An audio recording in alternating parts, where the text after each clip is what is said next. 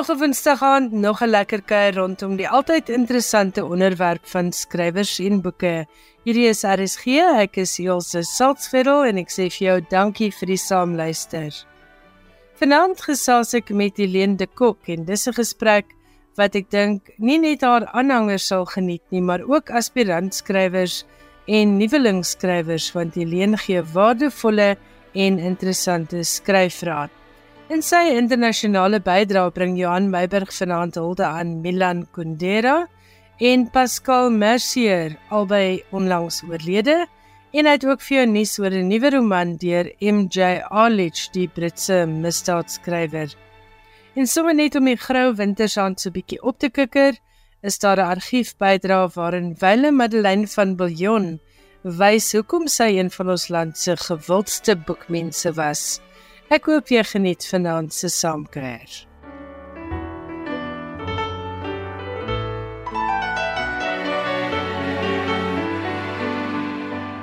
Milan Kundera se naam is waarskynlik vir baie mense sinoniem met the unbearable lightness of being, maar daar is veel meer oor hom te sê.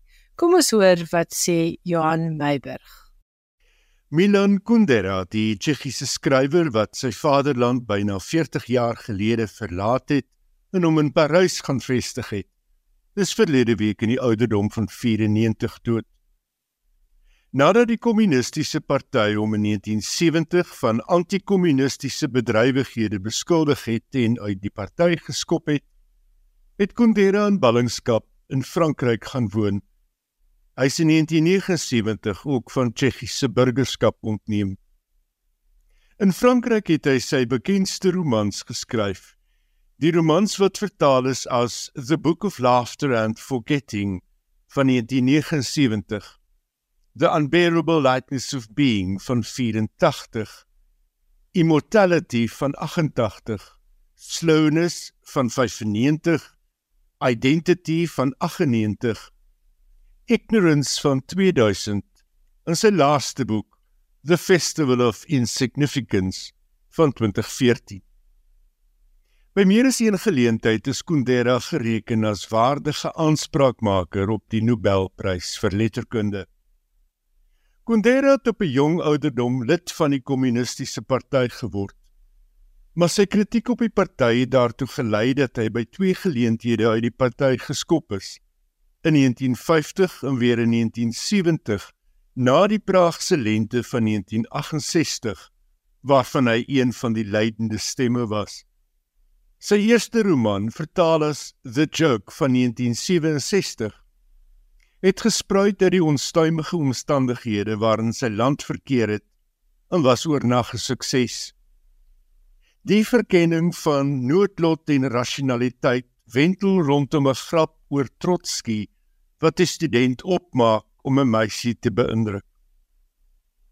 Toe die Russiese magte Praag die volgende jaar binneval, het die boek van die winkelrakke verdwyn en het Kundera homself op 'n swartlys bevind en het hy sy betrekking as dosent verloor. Dit was trompetspeel in klein kabarette wat hom in die gang gehou het en wat 'n uitlaatklep vir sy kreatiwiteit geword het aangesien hy verbied is om te publiseer. Oortuig daarvan dat Tsjechoslowakye nie weer die lig sal sien nie, het hy in 1981 'n Franse burger geword. Sy roem het gekom in 1984 met The Unbearable Lightness of Being, 'n roman wat geplaas is in Praag in 1968 wat gaan oor twee pare jong mense wat probeer sin maak van die politieke omstandighede ontrou en die spanning tussen vryheid en verantwoordelikheid. Die boek is in 1988 deur Philip Kaufman vervilm en was 'n lokie treffer. Hoewel Kundera nooit tevrede was met Kaufman se oorvereenvoudiging van die roman se gelaagde struktuur nie. Na 40 jaar in ballingskap is Kundera en sy vrou se Tsjechiese burgerskap in 2019 herstel En 'n jaar later het die land se ambassadeur in Frankryk bewys van sy burgerskap aan Kundera oorhandig. In die geleentheid beskryf as 'n belangrike en simboliese gebaar. En as 'n simboliese terugkeer van die vernaamste Tsjechiese skrywer na die Tsjechiese Republiek. Al wat Kundera daarop gesê het was baie dankie. Skrywers en boeke, alles wat jy oor die boekewêreld wil weet en meer. Vanaand gesels ek met Helene de Kok en ons praat oor Diana se dag. Dit is 'n splinternuwe roman uit haar pen. Helene, goeienaand en baie welkom by Skrywers en Boeke. Goeienaand Ilse. Uh, baie dankie dat ek hier kan wees. Kom ons praat net vlugtig oor Diana se dag. Vertel net vir ons luisteraars waaroor gaan dit. Ek het die boek baie geniet. Uh soos altyd 'n baie goeie verhoudingsroman uit jou pen. Maar waaroor presies gaan Diana se dag? Weet jy, ek het met 'n tema begin van vooroordeel en buitestanderskap. En uiteindelik het ek besef maar ek wil dit natuurlik soos vir mense met elke nuwe boek maar besef dat jy jou ruimte en jou karakters uh jy weet reg moet plaas. En ek het gedink aan 'n lekker wynland storie waar die wynmaker 'n vrou is. Maar hoe het sy daar gekom? Wat is haar geskiedenis? En sy bevind Diana bevind haar nou uh op 'n wynplaas, 'n baie gesogte wynplaas, maar sy loop haar ook vas in die vooroordeel van mense want sy het 'n geskiedenis. En sy is 'n diep mens eintlik wat bitter swaar gekry het en wat nou die uh, paleislike die dan die pondok beleef waar aan sy gewoond was. So en dan natuurlik is daar ehm um, twee uh, helde. Dit is Lutz Weiland wat ehm um, ook 'n agtergrond het, maar wat nou 'n suksesvolle persoon is en dan ook uh, Duncan Weston wat die erfgenaam is van die wynplaas. Maar dit gaan oor die verhoudings tussen mense. Ja, dit gaan nie net oor 'n liefdesverhouding nie, dit is 'n verhoudingsroman in die breë sin van die woord. Jy hou van hierdie genre. Waar kom die belangstelling daarin vandaan? Elsa, ek kan dit nie baie mooi verduidelik nie. Ek dink dit is moontlik omdat ek in 'n pastorie groot geword het en ek altyd bewus was van hoe belangrik verhoudings tussen mense is en dat dit mense kan vernietig of opbou. Dis eintlik waar dit vandaan kom, dink ek. Ja, en jy het ook al vir my in 'n gesprek gesê dat liefde is in elk geval sentraal tot enige verhouding. Ja, dit is absoluut so. En nou die kwessie van die tweede gebod, jy moet jou naaste lief hê, dit is waar die al die probleme inkom en waar ook al die geluk uit voortspruit. En ek dink altyd jy weet, 'n geluk is net so werklik soos ongeluk. Maar hier is nou baie ongeluk ook in die verhaal, soos wat Adama konflik moet wees. Maar ek wil graag altyd in my verhoudingsromans die feit laat deurskemer dat dit heeltemal moontlik is om goeie verhoudings te hê. Maar dit verg iets van 'n mens. Jy het nou die dag vir my gesê jy is nie heeltemal seker hoeveel uh boeke jy nou op jou rak het nie. Jy ja. dink hierdie is die 47ste 'n roman, ja. roman. Goed, daar's omtrent daar's in die 50 boeke.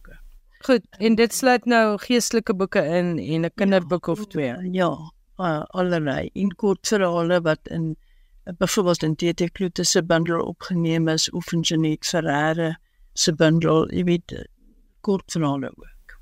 Dit moet ontsettend baie dissipline verg, maar voor ons daarby kom, wil ek eers weet waar het jou skryfpad begin? Weet jy, my ma het geskryf, sy was onder um, departementshoof van Engels en sy het Engelse leesboeke vir standaard uh, destyds standaard 6, 7 en 8 geskryf met 'n Suid-Afrikaanse agtergrond. En ek het gedink dit sou tog al iets gemaak daaruit want dit was voorgeskryf vir ek dink in Noord-Kaap of ek bedoel in daai deel. Maar in elk geval toe ek nou op universiteit in my tweede jaar sakgeld nodig en toe skryf ek vir die huisgenoot 'n kort verhaal toe George Lowe nog daar was en dis so aanvaar en dit natuurlik nou gedink ek kan skryf en dat 'n hele klomp teruggekom en na die geboorte van my drie kinders het ek besef maar dis eintlik nie 'n stokperdjie nie dit is 'n werk en toe het ek begin skryf. En hoe lank neem jy met 'n roman want ek sien jy is trek by so ongeveer 'n roman per jaar die laaste paar jaar. Ja, dit beteken dis neem dit 2 jaar byvoorbeeld uh, vir my doktorsgraad moes ek 'n roman publiseer by 'n erkende uitgewery en ek het Somersneeu geskryf, maar dit is nou met onmiddellik by sê Somersneeu die boek was net 'n verwysingspunt. Ek moes ook 'n volledige proefskrif skryf. En Somersneeu het vir my is 'n dik boek gewees en dit het my ongeveer 2 jaar geneem. Net so met dieper water wat ek vir my M gedoen het. En daar moes ek ook 'n volledige tesis skryf. Uh saam met die boek. So um, hierdie is nou die nuwer romans kan ek sê die jonger romans wat ek nou geskryf het. Ehm um, neem net 'n jaar of neem 'n jaar. Helene, ek het nou die dag geskerts en gesê dis baie wonderlik en inspirerend om te sien dat iemand van jou ouderdom nie ophou skryf nie. Nou ek is baie versigtig om dit te sê want daar is nou mos hierdie dinge soos ageism en so aan. Maar dit is regtig baie fantasties as ek sien dat iemand net aanhou en aanhou om te doen wat haar passie is. Wat dink jy is die geheim van skryf? Het jy dit nou uitgevind en ontrafel na ja 47 romans? Kyk, daar is net een, daar is net een antwoord. Dit is suiwer genade. Dis net genade dat ek um, nog aanhou skryf. Dit is vir my fantasties lekker. En ek lees baie en uh, dit is vir my net eenvoudig een van daai dinge wat my passie is. Ek het altyd geweet althans sedert daardie huisgenootverhaal het ek geweet dit is wat ek wil doen. En ek is baie dankbaar dat ek dit nog kan doen. Maar as ek nou daaraan dink, daar is mense van 90 wat publiseer. Ek dink solank 'n mens ehm um, se gees nog steeds belangstel in wat jy doen, dan vind jy 'n manier om die hande en al die um, ander dinge wat nodig is vir iets te skryf net te laat byhou. Gelukkig skryf jy op 'n rekenaar nou. Ons het nou die dag gepraat oor die swaar dae van die tikmasjien. O, oh, ja. Ek is baie dankbaar oor 'n rekenaar. Ek het 6 boeke onthou ek geskryf op 'n gewone tikmasjien en uh dit Elsbeth Steenberg vir my gesê ja, ek moet liewer vir my elektroniese tikmasjien kry wat ek gedoen het, maar toe die rekenaar kom was ek baie dankbaar daaroor. Jy het 'n pragtige staaltjie vertel toe ons jou boekbekendstelling gedoen het oor die roman wat jy moes sny met 10000 woorde en ek dink dit is iets wat moderne skrywers beslis moet hoor. Ek uh, publiseer by verskeie uitgewers en ek het toe daardie spesifieke boek by Tafelberg gepubliseer en Wile Bertha Smit was my redakteur as ook Wile uh, Petra Grieter. En hulle het vir my gesê ek moet niks van ander aan die verhaal nie. Ek moet nie 'n karakter uithaal nie, ook nie 'n gebeurtenis nie. Die verhaal moet net so bly, maar dan moet weens ekonomiese redes, want papier en ink is duur, moet daar 10000 woorde weg wees. En Dit was nogal moeilik omdat dit toe op 'n tikmasjien gedoen is en ek letterlik moes wat se mens vandag noem copy and paste. En dit het regtig vir my nogal so 3 weke gevat om daardie 10000 woorde uit te haal. En hoe het jy dit gedoen met 'n skêr? Uh met 'n skêr.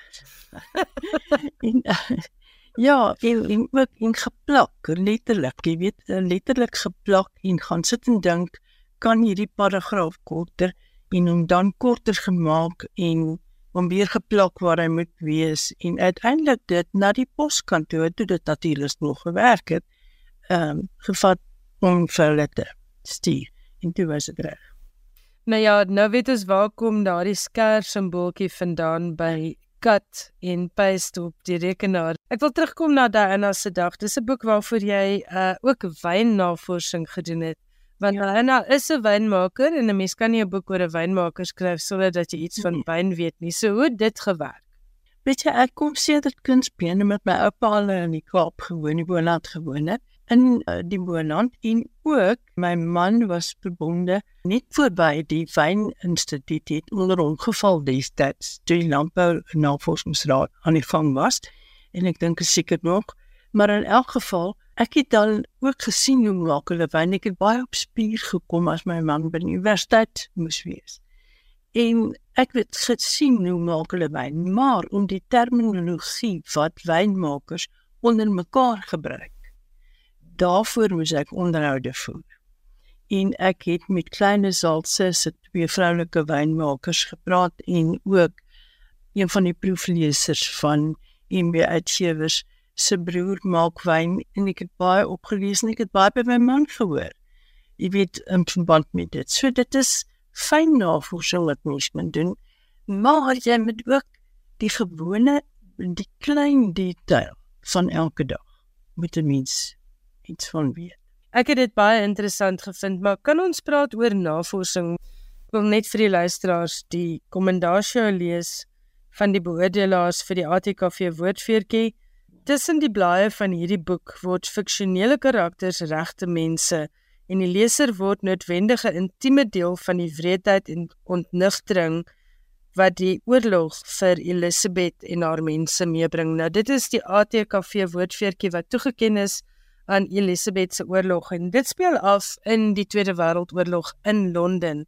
Ja. En ek moet vir jou baie geluk sê met hoe naatloos jy navorsing met storie vervleg het spesifiek in daardie boek en in jou ander boeke.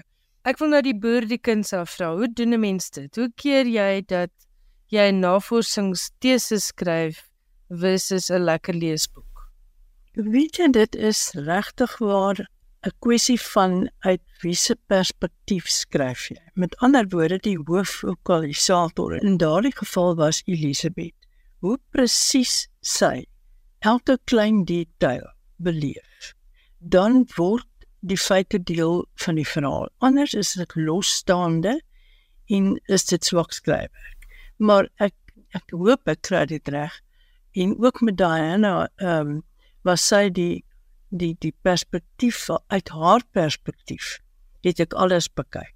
Dan moet mens onthou jy as skrywer is nie daar nie. Dis net sy wat sien en voel en hoor en ruik en alles ervaar. En sodoende dink ek werk 'n mens makliker die feite in sonder dat dit eintlik lastig is en losstaande is. Goed, ons het nou die dag ook gepraat by jou boekbekendstelling oor die belangrike rol van ruimte en as ek nou reg onthou dit is die dit was die tema van jou doktorsgraad. Ja. Hoe skep 'n mens suksesvol 'n ruimte en wat is ruimte alles as 'n mens na 'n roman kyk? In die werklikheid eintlik, ek kan dis presies dieselfde in 'n roman. Die konkrete ruimte waarin jy woon is jou huis, jou werkplek, jou land, die omstandighede waarin jy woon. Dis die konkrete ruimtes, maar uit hierdie konkrete ruimtes vloei daar abstraksies soos herinnering byvoorbeeld aan jou ouerhuis. Herinnering aan jou eie huis waar jy bly, jou identiteit wat jy vorm, jou die politiek wat jou omring, uh jou godsdiens of jy gebruik daaraan. En al hierdie dinge maak saam die abstrakte en die konkrete maak jou ruimte waarbinne jy leef. En dit is baie belangrik om hierdie ook met besondere detail te skep. Uit te beeld eintlik. Jy mag dit nie vertel nie. Die wel beskrywing is goed, maar uitbeelding is beter. So dis daardie ou ou ding van showing and not telling. Ja, dit is byvoorbeeld as jy sou sê daar staan 'n verwaarloosde ou man in die deur. Dis 'n beskrywing. Jy het klaar die oordeel gevel, die leser het nog nie kans gehad nie. Maar as jy sou sê daar staan 'n man in die deur, om hom hang die walm van ou wasgoed. Die knope van sy baadjie is af. Sy skoene is verslete. Dan kan die leser aflei dat die man verwaarloos is. Dis die verskil tussen showing en telling. Helene ons het ook al baie op hierdie program gepraat en spesifiek het ek en jy ook verlede week daaroor gesels by jou boekingstelling.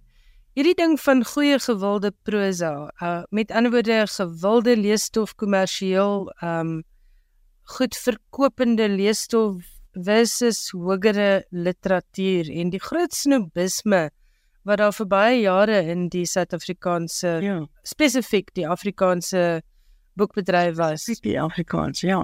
Kom ons praat bietjie daaroor. Jy het uh, aan 'n debat deelgeneem daaroor by die uh, leeskring byeenkoms destyds nog in welkom.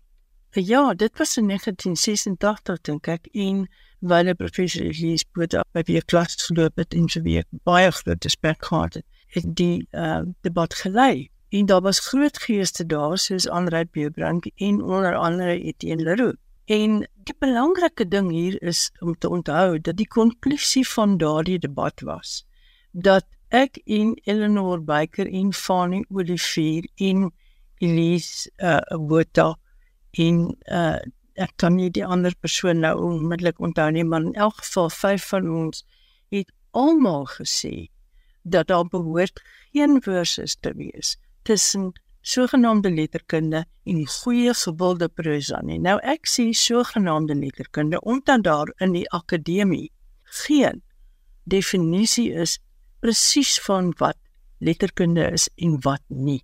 Wat wel 'n feit is, is dat daar goed geskrewe boeke is en swak geskrewe boeke en ek probeer my Tolstoy dit al gesê.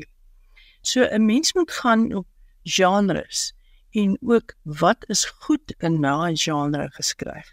Nou goed geskrewe beteken die skrywer het behoorlik aandag geskenk en goed uitgebeeld aan die karakters, die ruimte, die tyd en die handeling. En die struktuur van die verhaal en die styl wat nie noodwendig gestroop behoort te wees. En dit kan 'n liriese styl wees, maar stilisties gesproke goed. Met ander woorde, die belangrike ding is dat 'n mens mense aan die lees kry, aan die lees hou. Maak nie saak of hulle 'n romanse lees of hulle War and Peace lees. Ja. Dit laat my ook dink aan die staaltjie wat Amanda Botha vertel het tydens 'n onlangse onderhoud wat ek met haar gehad het toe Daleen Matthee opgedaag het by een of ander skrywersgilde byeenkoms met kringe in 'n bos nog uitgedruk op papier en in 'n soos Amanda dit beskryf het in 'n checkersak en sy het ja. voor daardie hoëgeagte skare opgestaan en gesê hier is die volgende groot Afrikaanse roman in hierdie sak. En in die geselskap was uh ook soos jy nou noem baie baie groot skrywers Etienne Leroux en al die mense. Ja. En dan wil ek ook uh, onthou van 'n beweging wat boekrakke Afrikaanse biblioteek boekrakke wou skoonmaak van wat hulle beskryf het as minderwaardige Afrikaanse literatuur ja. en dit is nou daar in 1970s rond, né? Ja, ja. En ek is bevrees daar ontstaan partykeer nou deesdae weer daai tipe elitisme wat uh jy weet 'n sekere 'n boek uh, is is nou beter, jy weet, meer letterkundig as ander. En ek op grond van wat? Op grond van wat? 'n Mens wil baie graag hê dat daar goed geskrewe boeke moet wees in alle genres. Maar daar behoort nie 'n versus te wees ooit tussen letterkunde en goeie gewilde prosa. Al hierdie kinders maak die huis en al hierdie boeke hou uitgewers deure oop want uiteindelik is dit ja. die topverkopers, die gewildes by die publiek wat die ander minder gewildes ook subsidieer. Ja, maar Ilse ook uh die die probleem is dat mense dink 'n boek wat lekker lees en um toeganklik is, uh nie noodwendig 'n goeie boek is nie. Dit is absolute nonsens.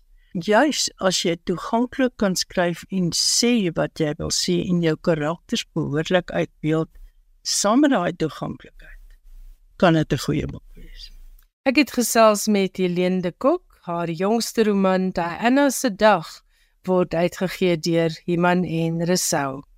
Johan Meiberg vertel nou vir ons meer oor die skrywer Pascal Mercier wat ook onlangs oorlede is. Die Switserse skrywer Peter Bierry wat onder die naam Pascal Mercier geskryf het, is ook onlangs dood. Hy was 79. Sy roman wat in 2008 vertaal is as Night Train to Lisbon was indertyd 'n topverkoper in volgens Deutsche Welle een van die 100 boeke wat oorspronklik in Duits verskyn het wat 'n mens behoort te lees. Night Train to Lisbon is die verhaal van Raymond Gregorius, 'n Switserse klassikus wie se belangstelling in boeke en literatuur dalk sy koneksie met die werklikheid 'n bietjie oorskadu. Op 'n dag gebeur 'n aardige ding. Hy kom 'n vrou op 'n brug in die reën tee wat lyk asof sy haarself om die lewe wil bring.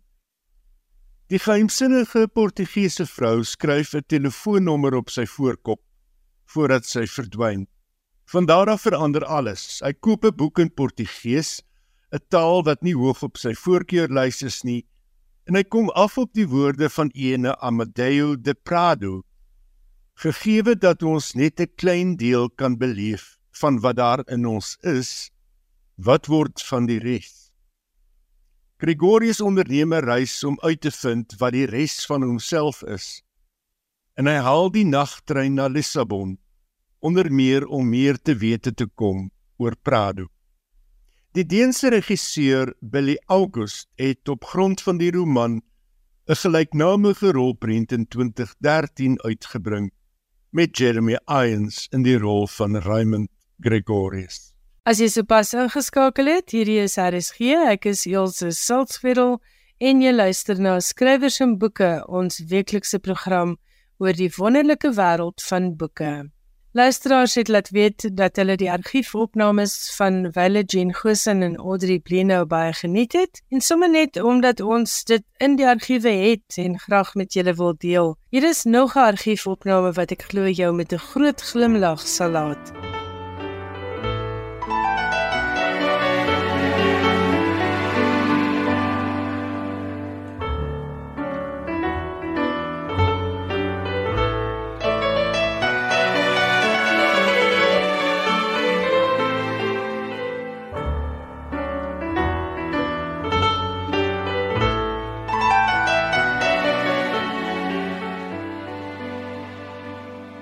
Die skrywer en rubriekskrywer Madeleine van Billjon word beslis deur baie lesers onthou vir haar vlamskerp rubrieke en sketse.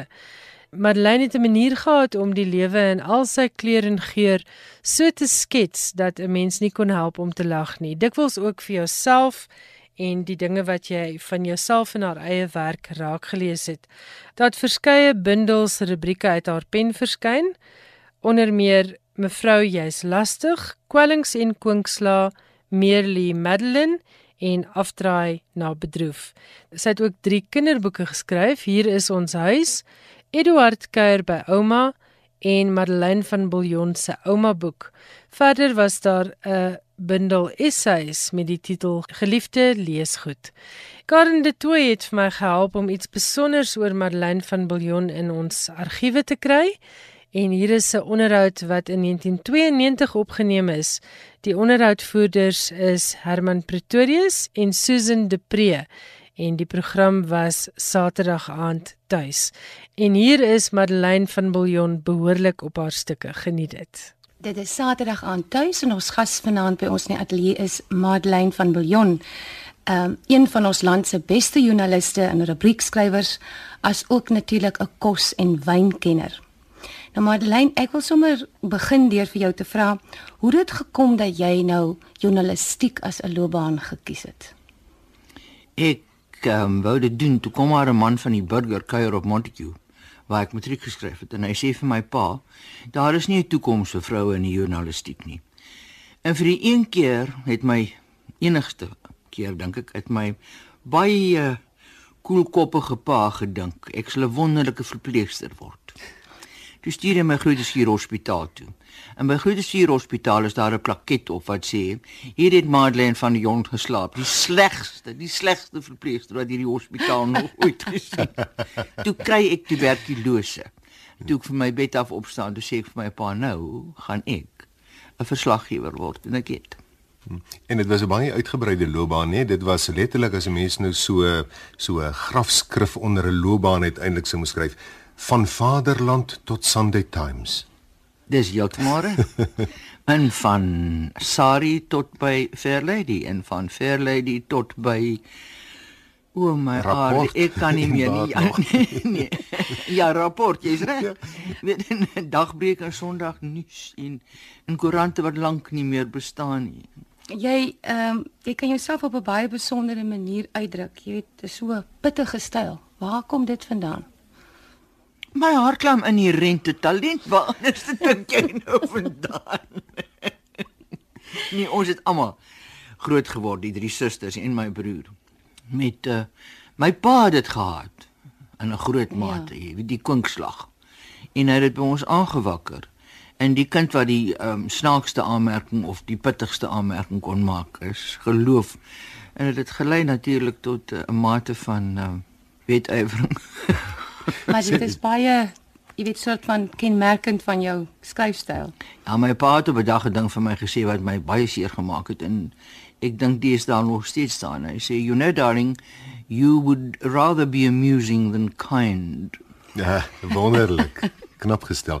Ja, as jy mens ook kyk na die na die boeke wat wat jy geskryf het, die bekende Mevrou jy's lastig en die ander een uh, kwellings en kwinksla.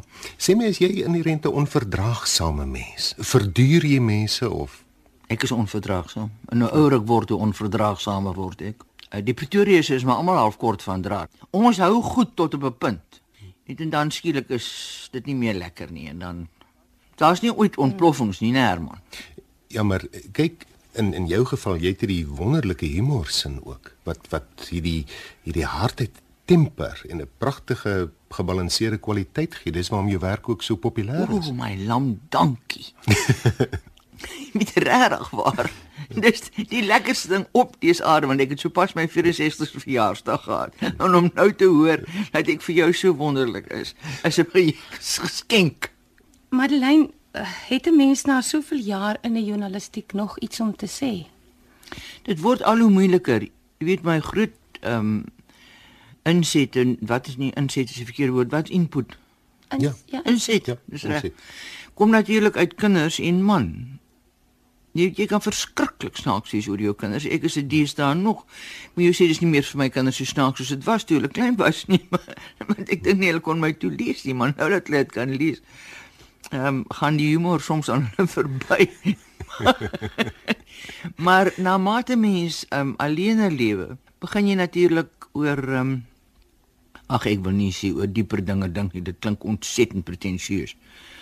Maar jy lag nie meer so baie soos voorheen nie, jy weet. En ek moet hard dink deesdae om om lekker te kan omslag. Nee nee nee nee, die kan ek nog altyd doen. Dit? Maar om ehm um, baie snaaks te wees. Mm. Want daar gebeur nie meer so baie snaakse goed met my nie. Vreemde goed wel, snaaks dalk nie. Is daar iets waaraan jy spesifiek kan dink wat onlangs gebeur het? Ja, ek het 'n storie gedoen oor die feit dat die diep stem. Mense sê altyd vir my op die telefoon meneer of sir.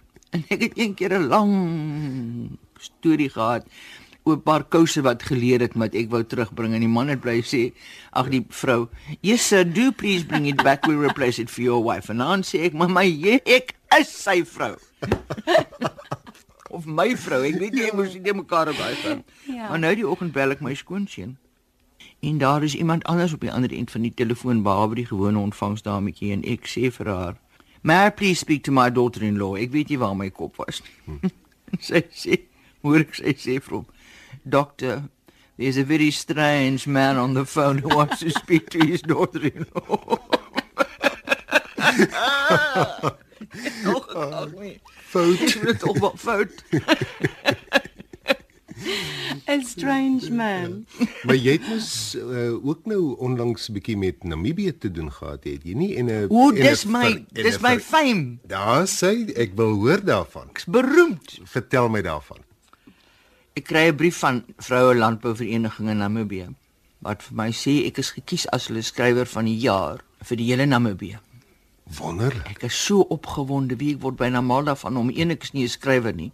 Ek is maar so 'n middagslag joernalis, jy weet.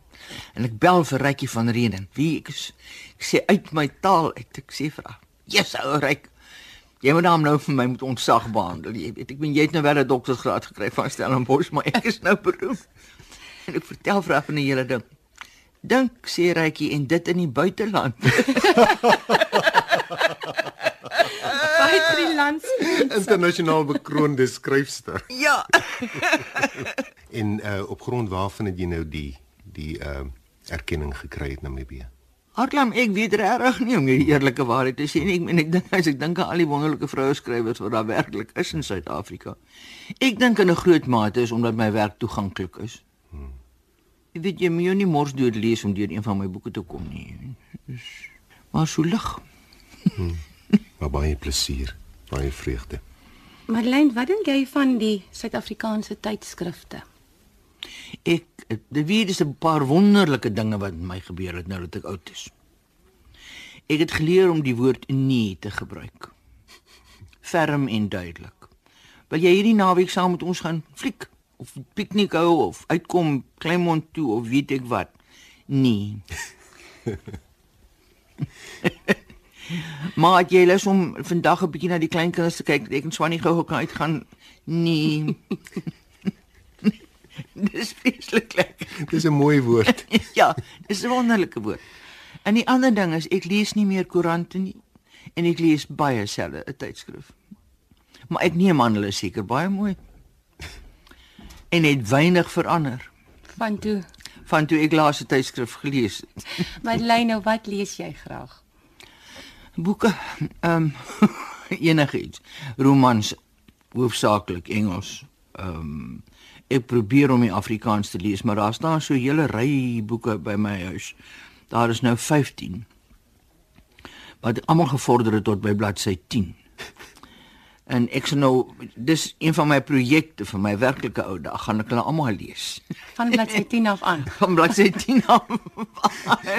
Is is dit nou subtiele kritiek op die boeke die bladsy 10? Is dit so 'n magiese Dit ja, maar dis 'n vir my 'n magiese ding. Ek het een boek daarso, die geskiedenis van Hong Kong deur Timothy Mo. Dit was op die kortlys vir die Booker-prys. En ek kom nou agter enige iets wat vir die Booker-prys in aanmerking kom of die Booker-prys gewen het. Gaan ek nooit verder kom as bladsy. Dit is 'n bladsy 10 boek. Dis 'n bladsy 10 boek. Jy ehm um, het net nou gesê jy het by Montetjie uh gematrikuleer. Mm. Maar jy's mos eintlik 'n Transvaaler, is dit nie? Kyk jou jou En ek weet nie, ek is 'n Suid-Afrikaner op hierdie stadium. Pa was landros. En ons het ek is op Lichtenburg gebore. En toe van Lichtenburg toe ek 18 maande oud was, het ons Kaap toe gekom. En van die Kaap af is ons Parel toe en van die Parel af is ons Johannesburg toe, van Johannesburg is ons Bethel toe, van Bethel af is ons Montague toe en van Montague af is ek Kaap toe en van die Kaap af is ek Johannesburg toe van Johannesburg Pretoria toe, van Pretoria af Kaap toe. En Hier woon ek nou al die afgelope 20 hoeveel jaar. Nee, dan is jy definitief nie 'n Transvaaler nie. of 'n Kaaper. Nee, Suid-Afrikaner. absoluut. Jy het net nou van jou suster Cecile ook gepraat. As julle bymekaar kom, is dit seker 'n 'n feestelike geleentheid. Jongens, die drie susters bymekaar is want jy weet dit aan nog se Polla ook. O ja. Polla Findley. My man het eendag gesê, when the three sisters get together, strong men take to the hills. ons is verskriklik raserig. Die kinders sê altyd, "Nee, o, jem, kom ons loop." Hoor daar. Dit kan ons nie uithou. Hoor nie. lag maar. En waaroor lag julle en waaroor raas julle? Ons raas oor niks, maar ons so baie om vir mekaar te vertel. Ons maak nou aan lysies. Nou sê ons, nee wag, wa- wat wou ek nou weer gesê het? Sien daar bly nou stil, dis nou beurt. My beurt. Want jy weet ons moet hierdie 'n fantasie wat ons vir ons opgebou het. As ons nou eendag nie laat ek wil hê Cecile moet 'n weduwee word nie, vader behoede my, maar ehm um, dan gaan die drie van ons saam woon, dan dra ons sulke swart klere. Jy weet met sulke vlekke vooraf van die kos wat ons gemors het. En onthou julle daai pantoffels wat mense gekry het met sulke pompoms Ja, voorop, ja. jy weet ja. Nou het ons een reistoel. En stap die een met 'n kierie en die een stoot die reistoel en die ander een sit in die reistoel. En dan so op 'n kol. Nou vat sy sy die kierie na druk sy vir so in die ribbes nou sê sy: "Staan op. Dis nou my beurt om te ry."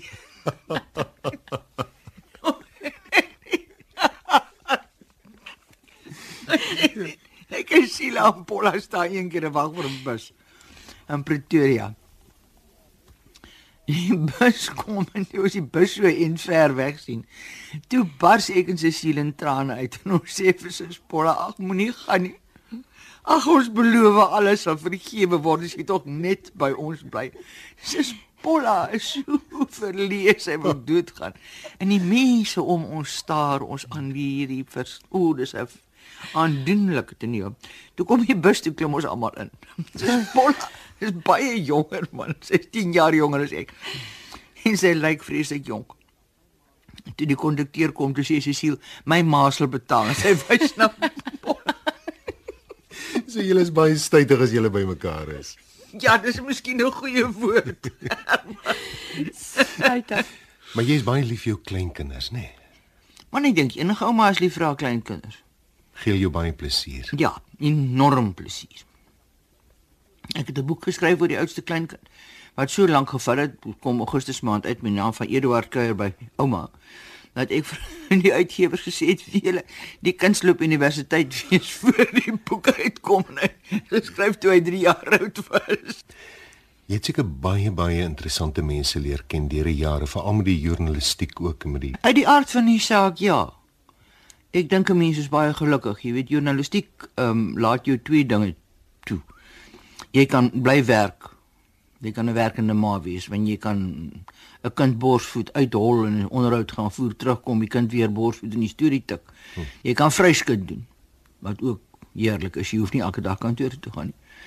En jy ontmoet natuurlik uit die aard van die saak interessante mense. het jy ooit met politici te doen gehad? O ja, baie vreemde mense politici. Vertel. Nee, gaan nie. My liewe vader, jy nou is jy van jou sinne beroof Pretoria? Is jy nou regtig maar hê? Ek moet môre 'n dagvaarding kry.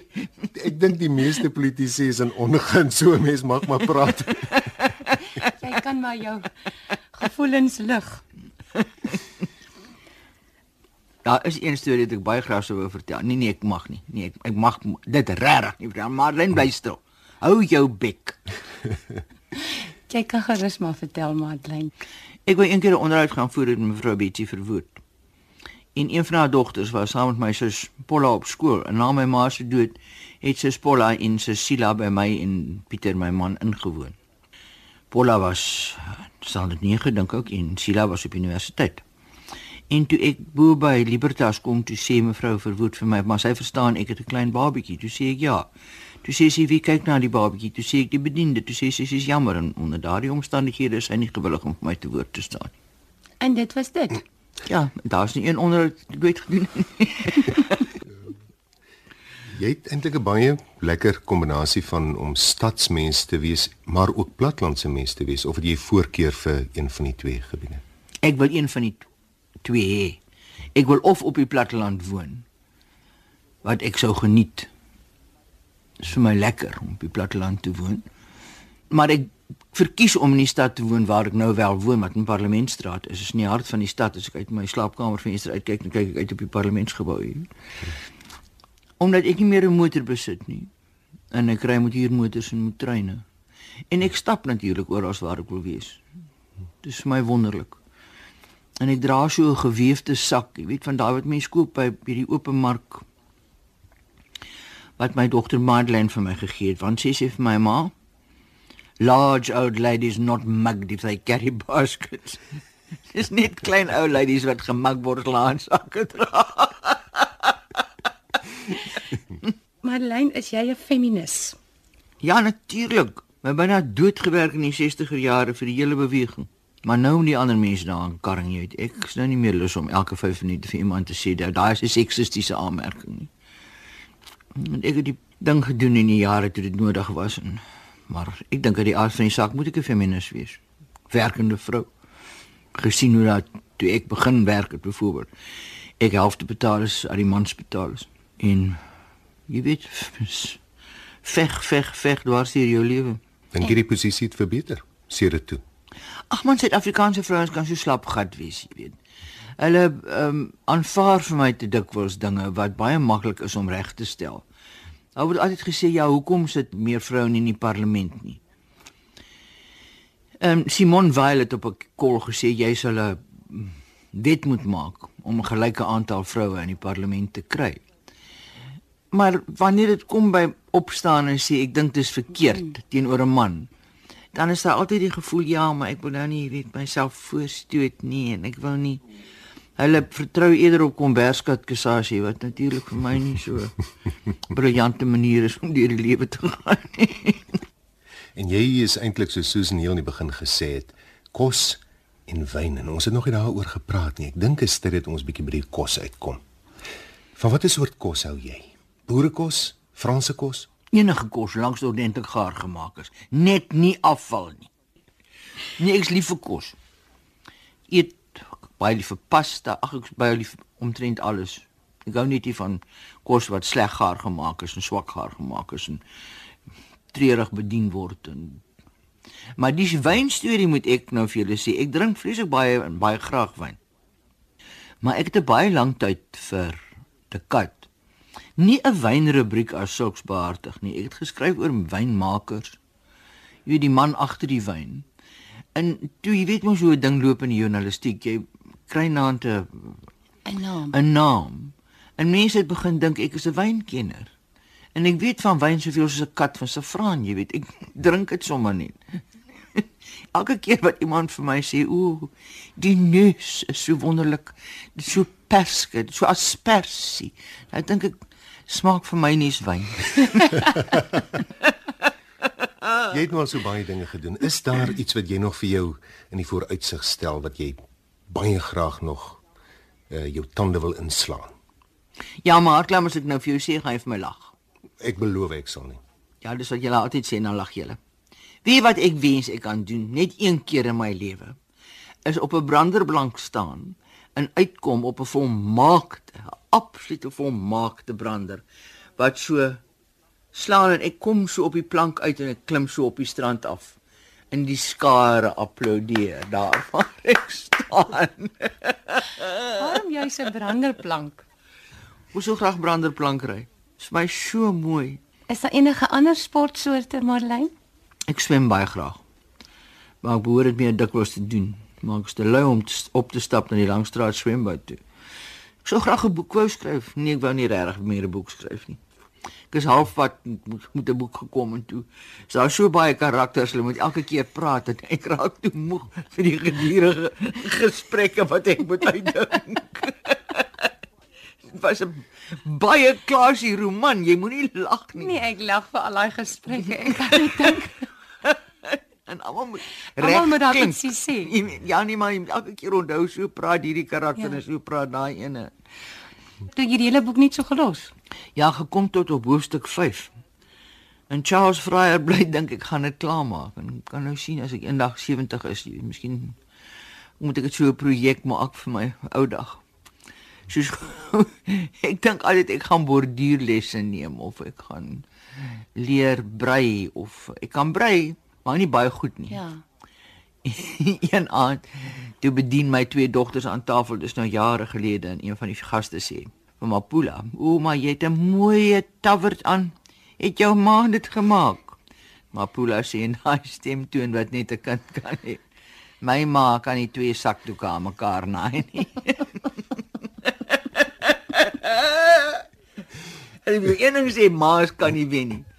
Willem kom van die skool af terug, hy's in graad 2 en hy sê ons moet vandag sê wat ons mammas kan doen. Oh, dink ek. Ooh, wonderlik, ek is 'n ma. ek is 'n ma wat kan skryf en ek is 'n ma wat kan Hy sê en al die ander kinders het gepraat. Hulle mammas maak hulle klere, hulle mammas bak vreeslik baie koek en hulle mammas kook so lekker. Ek sê wat het jy gesê, ou Wimmy? Hy sug so diep. Hy sê ek het gesê my ma kan tik. Nou ja, Madeleine van Billjon kon gewis meer doen as net tik. Daardie wonderlike stukkie onthou uit ons argiewe kom uit 1992. Jy het geluister na 'n geredigeerde uittreksel uit die program Saterdag aand tuis. Baie dankie aan Karen de Tooy van ons argiefdienste. Skrywers en boeke. Elke Woensdag aand tussen 8 en 9. In ons laaste bydrae vir die aand het Johan Meiberg vir jou nuus oor 'n nuwe roman uit die pen van MJ Arledge. Jy kan ook luister na 'n greep uit 'n onderhoud met Arledge. Eye for an Eye, die jongste roman van die Engelse misdaadskrywer MJ Arledge, het onlangs verskyn. Arledge word gereken as 'n gedigte misdaadskrywer en heel party van sy romans is onder meer in Duits, Italiaans en Nederlands vertaal. For an Eye begin met 'n skrikwekkende moord. Mark Willis is op pad huis toe toe hy deur drie gemaskerde mans oorval word. Die roman is egter nie so seer 'n ondersoek na sy dood nie. Mark was een van 'n handvol gerehabiliteerde kriminele in die Verenigde Koninkryk wat lewenslange anonimiteit en 'n nuwe identiteit gekry het op grond van die aard van hul misdade. Op een of ander manier het sy ware identiteit uitgelek en die paroolowerhede vrees nou dat agt ander kriminele in dieselfde bootjie kan wees. Alitse perspektief skuif deurgangs van die gerehabiliteerde oortreders, die slagoffers se familie wat steeds getraumatiseer is en die mense wat verantwoordelik is vir die uitlek van die geheime. Die boek word beskryf as 'n ontstellende roman wat snel beweeg en die leser tot nadenke stem. Alitse eerste roman, Inimini, het in 2014 verskyn En in die roman maak die leser kennis met Helen Grace, 'n Britse speurder wat 'n mens dalk 'n bietjie herinner aan Lisbeth Salander, die karakter in Stieg Larsson se boeke. Ander van Alit se boeke waarin Helen Grace teenwoordig is, is Pop Goes the Weasel wat ook in 2014 verskyn het en The Doll's House in 2015. Alich het sy skryfloopbaan in televisie begin, eers by East Enders, 'n Britse sepie, en later ook in BBC produksies en nog later het hy saam met nog vennote 'n eie produksiehuis op die been gebring. MJ Alich se Eye for an Eye word uitgegee deur Jonathan Ball. Hier is MJ Alich aan die woord oor A Gift for Dying, sy roman van 2019 die roman net voor Eye for an Eye. I'd written about seven or eight Helen Grace books by then, and I thought it would be nice to try something different, just as a challenge to me, really, to see if I, and also to do something that, I mean, it's still a big serial killer thriller, but it has a, a slight sort of supernatural element now. And, and I thought, again, that would be interesting because supernatural is very different. You, you have to sort of write it in a different way. Um, and I was going to set it all in America write purely American characters and just see if I could do that. That that was quite a challenge, and you know everything is a I guess everything's a challenge, isn't it? When you're um, if you're writing if you're a man writing a female character, or if you're a, a law-abiding citizen writing a serial killer, you have to have a leap of imagination. But for me, writing Cassie, who's a 15-year-old Polish American who can foresee people's death. That's again, that's quite a big leap of imagination. So it was quite a nice challenge for me. Um, uh, but I, it was great, and it's all set in Chicago. So I went over there and spent about ten days researching it, and and was taken around all the the, the dark back streets of Chicago, all the stuff that the tourists don't get to see.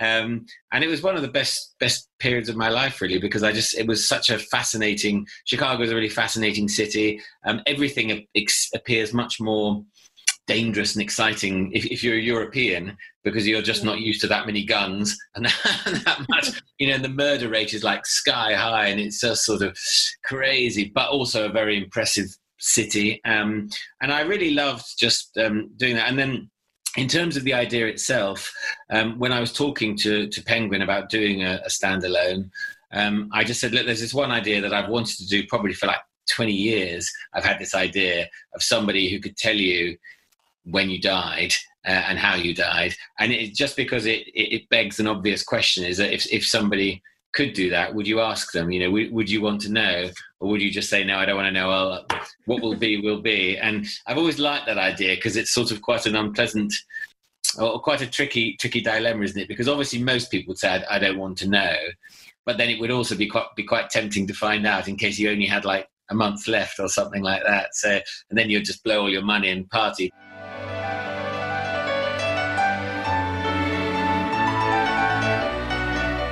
Dit was die stem van die Engelse misdaadskrywer MJ Alich en daarmee kom ons ook aan die einde van vanaand se skrywers en boeke.